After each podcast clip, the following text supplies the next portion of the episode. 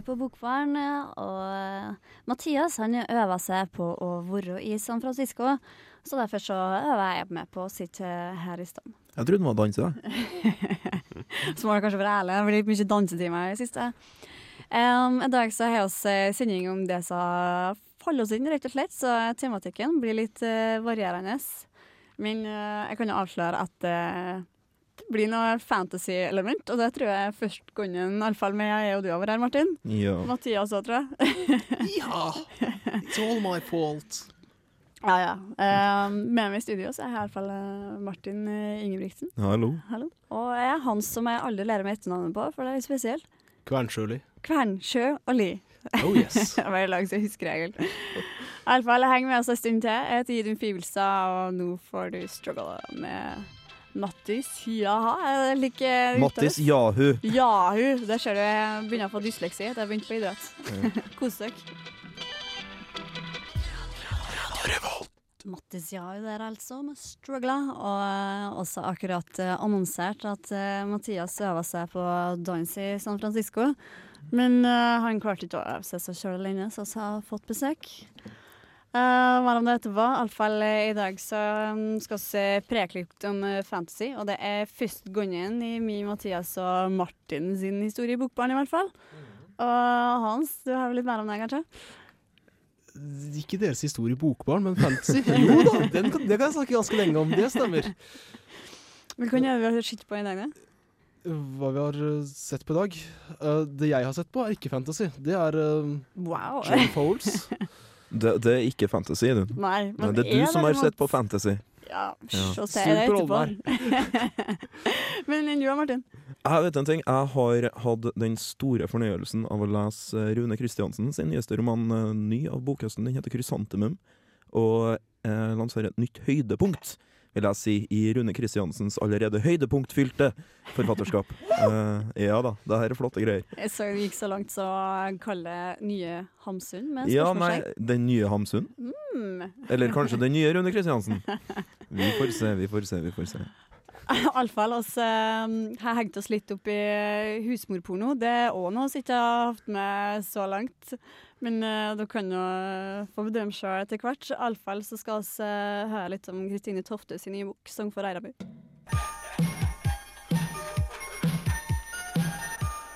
Sang for Eirabu er en norrøn fantasyroman med kvinnfolk i sentrum. Eirabu er ei oppdekta vær, ikke ulik nordlige Europa under vikingtida, ifølge forfatteren sjøl.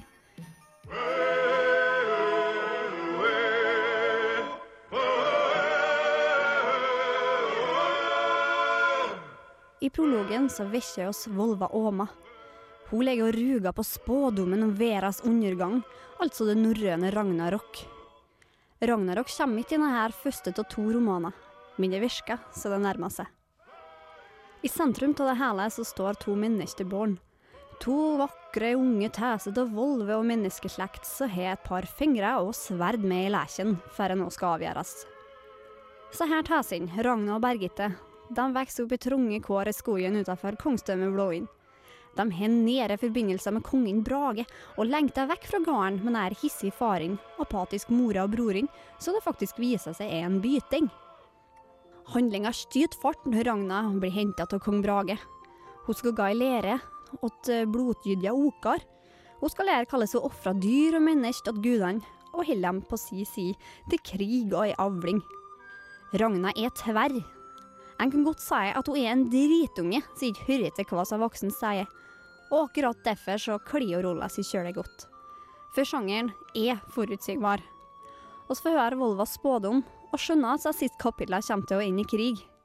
Og heltinna på 15 år Hun kan jo ikke dø, hun heller. Lillesøstera Birgitte er òg en interessant karakter. Har sine drømmer om å bli dronning langt vekk fra dette avsidesliggende gården, går etter hvert i oppfyllelse. Bare så synd det er med Mr. Bad Guy konge av Syrin, på den andre sida av Eirabu, til hvor Ragna er. Da må de vel kjempe mot hverandre, da?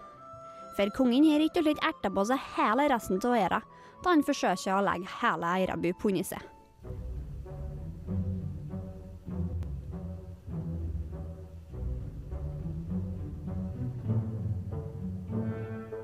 disse norrøne elementer er nerdenes alibi til å leve seg inn til denne romanen. Plottet er stramt og enkelt, vi skjønner hvor det bærs, og leser oss mot klimaks fra side én. Innimellom er vi likevel innom noen sånne overnaturlige skapninger her og der, så det er litt vanskelig å finne forbindelsen med mennesker til. Men jeg regner med det er bare innledninga mot et stort smell er bok nummer to. Som seg hør og bør er romanen på godt over 500 sider, og det er akkurat passe. Foruten handel om Ragna og Bergitte og deres rolle i verdensordninga, så møtes et x antall andre skapninger. Både rojaliteter, volver, guder, mennesker og ulver med talens evne. Hele verden blir forsøkt forklart, og så godt hjulpet til å danne en helskap i systemet og holde oversikta over værspillet gjennom kartet i permene på boka. Norrøn romantisk fantasy på nynorsk. Definitivt en litt merkelig sjanger, som likevel slår an med den lille nordiske nerden som er. Og forhåpentligvis hos mange andre òg der ute i Norges land, så rett og slett kan bli underholdet disse her 550 sidene. Min jomfrusexen Nei, den kjøper ikke.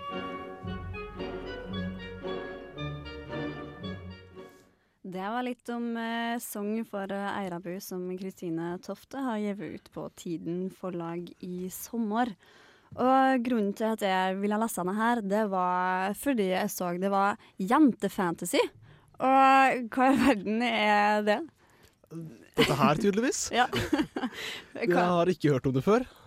Det, det kan jo, det kan jo virke Ja, ja, ja, Mathias. det det jeg tror, da, det er at uh, folk som Altså, nå har dem som vokste opp med på en måte med med Tolkien eh, og med Robert Jordan og sånn, da. De har blitt eh, husmødre. Eh, og nå trenger de da på en måte den kiosklitteraturen som kan eh, på en måte passe dem, da.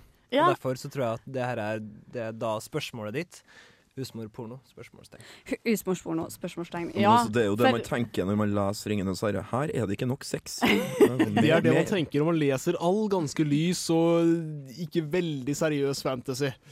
Som for eksempel 'Ringenes herre'. Det vil du ikke vite. Det, er, det her, eh, er det her useriøs fantasy?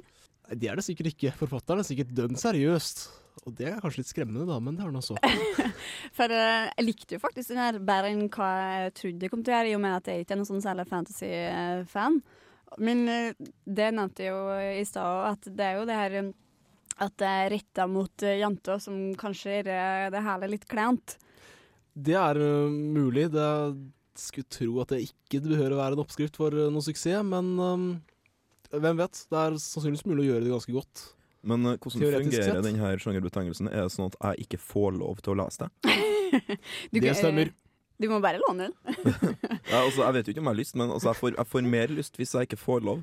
Men det kan jo hende at uh, du liker den her uh, sexen, da. Som uh, var litt usannsynlig. Jeg blir, jo, jeg, blir jo, jeg blir jo alltid veldig fornøyd når jeg ramler over eh, sexskildringer i litteratur. for det betyr at du som regel har en og en halv side med ustyrtelige morsomheter foran deg. Ja, det var akkurat det, da. At jeg ble flau. Eh, jeg ble pinlig berørt. Jeg ble rau da jeg leste. Ja. Altså, det er en fantasyforfatter. Ytterst få av disse fantasyforfatterne har tilbrakt uh, Veldig bra poeng. veldig mye tid med La oss si det motsatte kjønn. De fleste av dem er innbitte nerder. Jeg er jo en nerd, men uh, fantasy-nerd. En nynorsk-nerd da, og nordisk-nerd og nordisk-nerd og alt det der, så det passer ganske bra. Jeg Nerd i ordets største betydning, mener jeg. Nei, det er et fint ord. Iallfall, uh, jeg tykt uh, boka var kjølig fin. Uh, så lenge du bare blar over et par sider her og der, så eh, tror jeg du For det eneste du går glipp av hvis du blar over de sidene, er en, er en orgasme, liksom. Ja, litt mer enn bare det. Oi, Du kan få lov er, det, er det handling i sexskildringene, eller er det bare sex? Det tror jeg oss eh, Du kan finne ut sjøl, faktisk. Eh, nå tror jeg oss eh, hører litt musikk mens vi venter på han Rune sjøl. Du hører på Radio Revolt, studentradioen i Trondheim. Cobra Starship der, altså, og du hører på Bokbarn. Eh, Rune Kristiansen er vel det neste karen vi skal kikke litt på. Hva er det, Martin? Hvem er det? Hva er det? Hvem er det? Hvem er det? Og, nei, Rune Kristiansen det er da en uh, mann som uh, så vidt jeg vet bor litt utenfor Oslo og skriver bøker. Uh, han har vel han er vel i den, liksom, den, den modern, modernistgenerasjonen som liksom går og koser seg med Thomas Bernhard og Peter Hanke. Det nevner jeg vel kanskje i saken. Men uh, han debuterte i 86 med ei bok jeg ikke husker hva heter, men, og påfulgte opp det med å skrive dikt i ti år, tror. Før han da begynte å skrive romaner.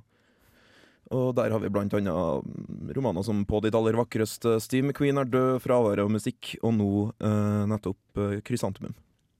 Den første setninga i Rune Kristiansens nye roman 'Krysantemum' sier egentlig alt som trenger å sies om hva boka handler om. Den innleder et kort forord forfatteren har valgt å sette inn, og forklarer hvorfor boka dreier seg rundt Agnes Løv, en kvinne midt i 30-årene som skal få sitt liv forandra. Denne gangen skal jeg fortelle en ganske ordinær historie. Skjønt jeg er ikke engang sikker på om det egentlig dreier seg om en historie. Kanskje er det bare snakk om en rekke hverdagslige forteelser, for ligger det ikke ofte en eiendommelig betydning i disse uanselige affærene? Og er det ikke nettopp disse mer eller mindre tilfeldige episodene som danner de forløpene og forgreiningene vi kaller virkeligheten, eller tilværelsen? Og setninga beskriver bokas prosjekt perfekt. Det er nettopp en tilværelse, i ordets mest intime forstand, som her skal skildres. Og det er nettopp gjennom verdens små inngrep at Agnes Løv opplever at hun kan velge seg bort fra det følelsesmessige og geografiske eksilet hun befinner seg i. Livet hennes preges nemlig av avstand. Hun har forlatt mannen sin og flytta til Basel for å skrive ferdig en doktorgradsavhandling, som hun selvfølgelig ikke kommer noen vei med. På mange måter er det som om hun på et tidspunkt slutta å leve fremover og satte alt på pause for å skjule seg fra virkeligheten. Men som forordet hentyder til, å leve medfører at man stiller seg til disposisjon for verdens inngrep, som kommer ubønnhørlig, og innfører nye elementer i den virkeligheten som omslutter en. Og i Krysantemum klarer Rune Kristiansen, Norges kanskje største språkkunstner, å skildre de forsiktige og tilfeldige hendelsene og møtene som langsomt, men ufravikelig forandrer Agnes Løv sitt liv. Rune Kristiansen har lenge vært en av Norges mest kritikerroste forfattere. Hans siste roman, 'Fraværet av musikk', som kom i 2007, var på mange kritikere sin liste over litterære høydepunkt det året. Undertegnede gikk allerede da litt lenger, og sa at Rune Kristiansen, hode og skulder, plasserte seg i det aller øverste sjiktet av litterær kyndighet. I hvert fall rent språklig sett. Og med krysantemum har han tatt enda et steg. Det er forbanna synd og skam hvis Kristiansen ikke blir nevnt i forbindelse med Nordisk råds litteraturpris. For Krysantemum er så god at det like gjerne kunne vært snakk om Nobelprisen. Språkmessig er Rune Kristiansen som sagt i en klasse for seg sjøl. Han har en velformulert og på veldig mange måter nesten gammelmodig syntaks, som utviser slektskap til for lengst kanoniserte franske mestere som sjølste Flaubert, så vel som mer syntaksorienterte modernister som Thomas Bernhard og Peter Hanke men det som skiller dem ut, er det filmatiske preget. Ofte bruker man filmen som en metafor for å beskrive forfattere som tenderer til å skildre handlinger utenfra, hvor perspektivet dreier som et filmkamera, og fortelleren leker med avstand i forhold til det som skildres. Rune Kristiansen gjør det her, men det er hovedsakelig noe annet som får meg til å ta meg sjøl i å tenke på Jean-Luc Godard når jeg leser. Det ene er estetikken, og fokuset på bevegelse mot stillstand som ledende motiv. Det andre er måten Kristiansen trakterer kameraet på.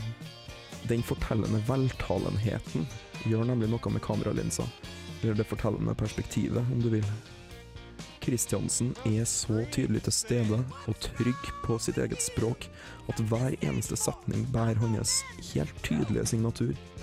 Kameraet er derfor ikke objektivt på den måten filmatisk prosa ofte etterstreber, men et klart produkt av en personlig poetikk som er mesterlig gjennomført. Krysantemum er intet mindre enn en bok som burde leses av alle som har sans for skjønnlitteratur. Mange forfattere etterstreber skjønnheten i språket, og ofte tenderer det her til at man føler seg litt innestengt i et nett av banalitet og pompøsitet. Men det som skiller Rune Kristiansen fra hopen, er den evnen han har til å finne et språk som oppleves vakkert og levende. Der andre bygger palasser av ord, bygger Rune Kristiansen trær. Og for å understreke poenget mitt vil jeg avslutte med begynnelsen av Agnes Løv sin fortelling. Etter over 20 år vendte Agnes tilbake til stedet der hun vokste opp. Hun reiste ut til forstaden, ut til den gamle, hvite villaen med den overgrodde hagen. Hun bar på en tung koffert, hadde brettet opp kåpekragen, og det var en sen oktoberdag med kjølig sol. Lyset ble spaltet gjennom et flortynt dråpeslør. En hustrig kaldfront var i ferd med å bre seg, og summingen fra kratt og kjerr hadde stilnet. Hun fant huset, åpnet grinden, og det var som om hun bare hadde vært vekk i et lite ærend, for der, på begge sider av grusgangen, lå fortsatt Slaraffenlandet som hun så ofte hadde oppsøkt, uten andre grunner enn for å komme klar av dagens krav og kvaler, og nedenfor drivhusene, ved muren som den gang ble bygget for å beskytte de gamle frukttrærne mot en biske nordavinden, der alskens vekster hadde fått lov til å vokse vilt slik at denne delen av hagen nå var som kjerr og buskas og regne. Satte hun fra seg bagasjen og la seg ned mellom bregner og ormeblader. Og hun ble liggende slik, strak i villnisse. Radio Revolt på FM 97,9. Ein stol inn det hølle, eller noe sånt. Jeg skal Ein stol in der Hølle ja, Vær så av god. Ein stürzende Neubauten. Av tyske trioer, men det kommer ikke til nå. Ein stürzende Neubauten. Det er iallfall ikke noe med saken der. da. Det og betyr så- sammenrasende nybygg. Mhm. og, og låta betyr 'en stol i hølet', eller noe sånt. Eh, eller i helvete. Uh, hølle, jeg vet ikke helt. Det er virker høl, veldig logisk at det er en stol der, ja, selvfølgelig. Ja, en stol i helvete. Jeg tror vi sier det sånn. Ja.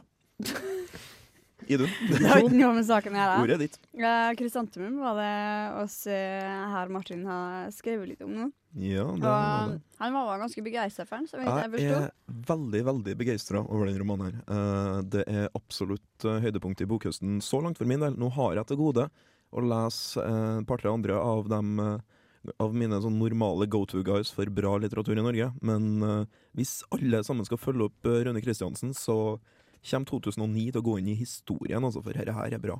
Jeg tykte det hørtes litt skummelt ut med det her perfekte språket, liksom. Noe så avansert. Altså. Det, Ja. det, det virka ikke Det føles ikke liksom, litt sånn stivt og Nei, Øh, det, det, også, jeg, har en, jeg har en sånn ikke, Jeg vil ikke kalle det regel, men veldig ofte hvis det blir for fint, så mister jeg interessen. mm. Altså Hvis det er feilfritt, hvis det er perfekt, så er det ikke noe artig å lese det. For det, for også, det virker litt øh, Ja, som man sier, det er også litt, litt for eh, Hva skal man si banal. konstruert. Litt konstruert, Mm. og, og rett og slett ikke noe nerve i det i det hele tatt. Nerve kommer veldig ofte fra språklige feil, og det at man kan eh, lese litt tvetydigheter og sånne ting. Så er krysantemum er Krysantemum er noe helt annet. Altså, det, er, det er ikke feilfritt, men det er fullført. Um, det er rett og slett uh, veldig, veldig, veldig Rune Kristiansen. Og um, Nei, altså, det er noe helt vanvittig interessant som skjer rent språklig sett. Altså, for uh, samtidig som jeg vil si at det er fullført, så er det blir det aldri flinkt. Altså, han prøver ikke å vise seg fram på noen uh, spesiell måte. Han prøver rett og slett å fortelle langsomt, nøye og detaljert, samtidig som han hele tida påvirker avstanden han har til det han forteller. Eh, samtidig som han hele tida skildrer uh, Skildrer plottet sitt fra det som virker som det perfekte stedet, eh, sånn avstandsmessig. Det blir kjedelig da, når han dreier det ut sånn her. Nei, for altså, det han skaper Det han skaper en slags sånn spenning med, det er jo det at han uh, i begynnelsen, i forordet, uh, tar en sånn Dag Solstad-greier og sier eh, 'nå skal jeg fortelle om eh, sånn, Do- Solstad sa 'nå skal vi til Berlin'. Mm. Um, nå skal, og Rønne Kristiansen sier 'nå skal jeg fortelle noe'. Og han kommer hele tida tilbake på denne måten her, på veldig naturlige og um, fine plasser. Så minner han deg om at han sitter der. Om at uh, han forteller deg en historie om Agnes. Og um, det her får han på en måte til uten at man mister interessen. Altså det, er ikke noen, det, er ikke, det bryter ikke stemninga på noen måte. Du vet hele tida at du leser en roman, men uh, det, altså det er bare en veldig veldig fin leseopplevelse. Jeg har kosa meg gløgg i hjel med denne boka her. Altså. Du ble fort ferdig der, regner jeg med. Ja, vet du en ting? Eh, det var ikke Jeg tror jeg satte meg ned med den eh, tre ganger, eh, så var jeg ferdig. Og den siste av den gangen så satt jeg bare og bladde frem og tilbake igjen, etter at jeg egentlig var ferdig med boka. Leita opp igjen sånne sm smågullkorn av noen setninger som hadde forelska meg i første gjennomlesning. Ikke noen grunn til å ikke eh, lese Krysantemum. Det er all grunn til å lese den, vil jeg si. Uh, det, ikke vent den kommer i biblioteket, spring og kjøp. Ja. Uh, bruk, bruk alle pengene dine på den. Ikke vent den den kommer på pocket, les den nå. Du vet den kommer samtidig til biblioteket òg, Martin? Nei, den, er- den er helt sikkert ikke kommet til biblioteket. Ja, her, er- her er verdt det. Hvis du, hvis du påstår at du liker skjønnlitteratur, så må du gjøre deg sjøl den tjenesten og lese Krysantemum. Altså. Det er en vanvittig fin roman. Er du blakk, så kan du vente til jul, da. Er du blakk, så kan du låne den av meg. Ja, det kan du gjøre. Helter skelter, vær så god med Beatles.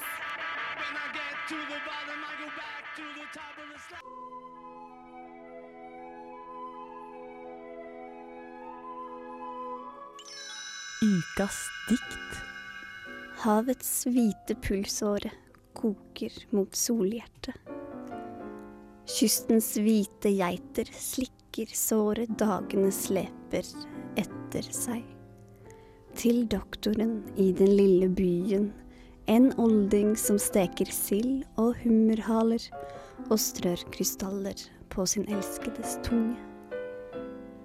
Stjernelyset flør, til vinteren skal gatenes blindeskrift speile inntogmarsjen til senile genier.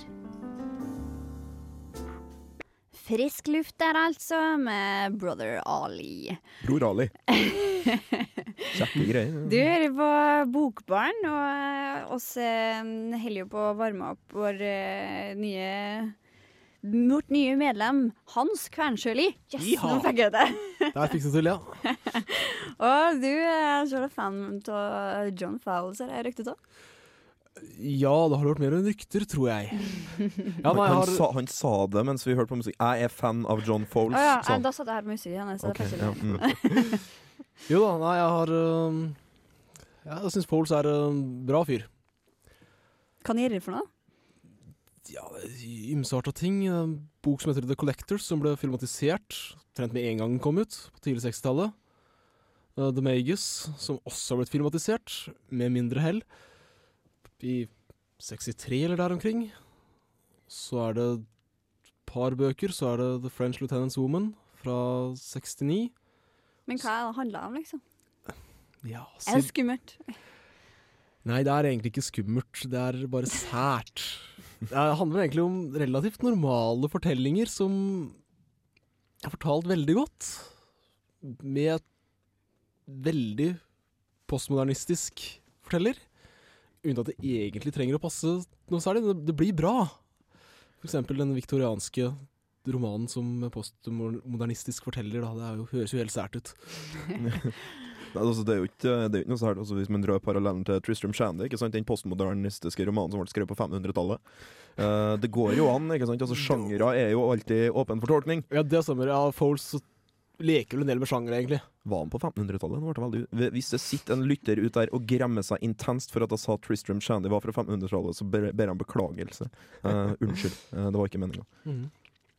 Men uh, vil du si at uh, altså John Foles driver den på fortsatt, eller? Uh, Nei, en- en- en det, må, det må sies at Foles ble født i mellomkrigstida og er nå død.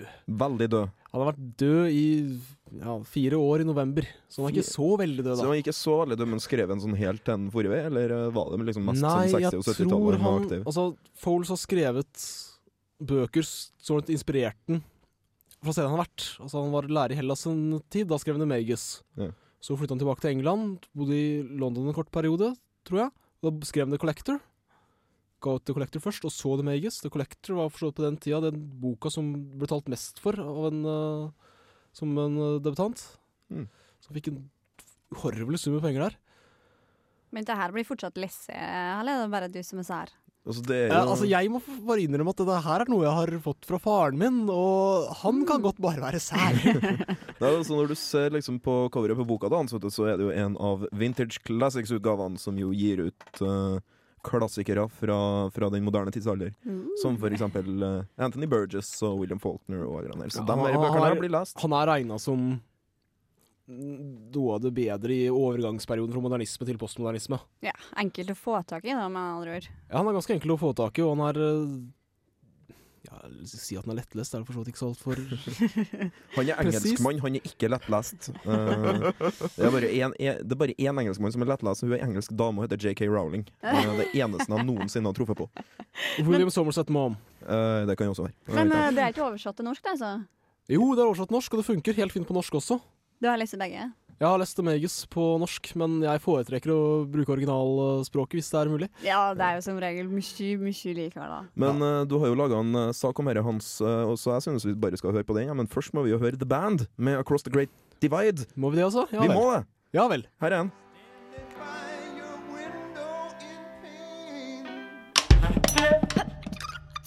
Du hører på Radio Revolt, studentradioen i Trondheim. An answer is always a form of death. Med dette for hjertet skrev John Fowles bøker som ikke gir mye svar, men mange spørsmål. Noe av det som kjennetegner det han har skrevet, er de store mengdene med ting som ikke er som de ser ut til å være. Man kan aldri være sikker på at det man antar av sannheten, faktisk er det. Dette kommer muligens sterkest frem i The Magus, hvor teppet kan bli dratt vekk under igjen en gang per side omtrent. Men han lurer også dette elementet inn i The French Lieutenant's Woman, som på ett plan er en kjærlighetsroman med mer enn én slutt, på et annet er noe helt annet. The French Lieutenant's Woman er en roman satt til 1800-tallet og skrevet som den var skrevet da. Den handler om et ganske vanlig forlovet par som tilbringer eh, en sommer i Lyme Regis, Dorset, på mer eller mindre viktoriansk vis. Av lokalbefolkningen blir vi godt kjent med Missy Poltney og Sarah, den franske løytnantens kvinne. Fortellingen handler om disse fire, egentlig. Men hva som gjør boka virkelig god, er skildringene av det viktorianske samfunnet og kommentarene den ikke helt viktorianske fortelleren kommer med. På en måte er det dette den handler om, men på en annen måte så er det umulig å si noe som kan gi et godt inntrykk av bøkene til Fowles. Det særegne med Fowles er delvis at man aldri er sikker på hva som skjer, eller om det faktisk skjer. I eksempel The Magus er det aller meste bare ord, og ikke noe mer, men på en eller annen måte spennende og bra litteratur for det. I The French Lieutenant's Woman er fortelleren helt åpen på at det er nettopp det han er, og han kritiserer rollen i boka, og på et punkt stiller tiden noe tilbake, så vi får totalt tre forskjellige slutter på boka. Ener med drømmene til hovedpersonen for å gjøre det hele bedre. Delvis er det særegne Foles at han skriver knakende godt, og at han klarer med hell å blande sammen sjangere som ikke er opplagte å blande sammen. The sergeant major of this Stygian domain was a Mrs. Fairley, a thin, small person who always wore black, but less for her widowhood than by temperament. Perhaps her sharp melancholy had been induced by the sight of the endless torrent of lesser mortals, who cascaded through her kitchen. Butlers, footmen, gardeners, grooms, upstairs maids, downstairs maids. They took just so much of Miss Pulteney's standards and ways, and then they fled. This was very disgraceful and cowardly of them. But when you are expected to rise at six, to work from half past six to eleven, to work again from half past eleven to half past four, and then again from five to ten, and every day, thus a hundred hour week, your reserves of grace and courage may not be very large. Sjangermessig blir Foles plassert midt mellom modernisme og postmodernisme, men det blandes inn mye rart, som f.eks. sci-fi og tidsreise i en av bøkene, og i en annen forsøker han, med hell, å skrive en bok som gir inntrykk av å ha vært skrevet på 1800-tallet. Et element som var til stede i alle bøkene hans, er den sterke fortellerrollen. Denne kommenterer med stor innsikt det som skjer rundt hovedpersonen. I The Magus er det hovedpersonen selv, Nicolas Ørfe, som er fortelleren.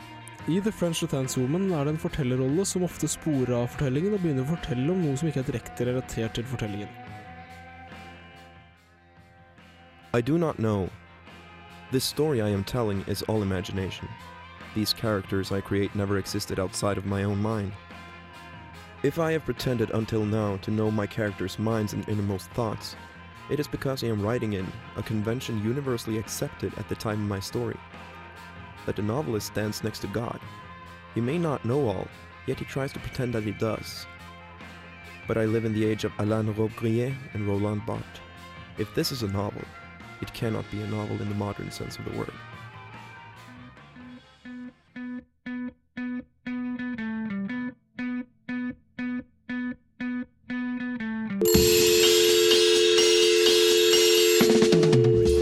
Bokbarn. Bokbarn.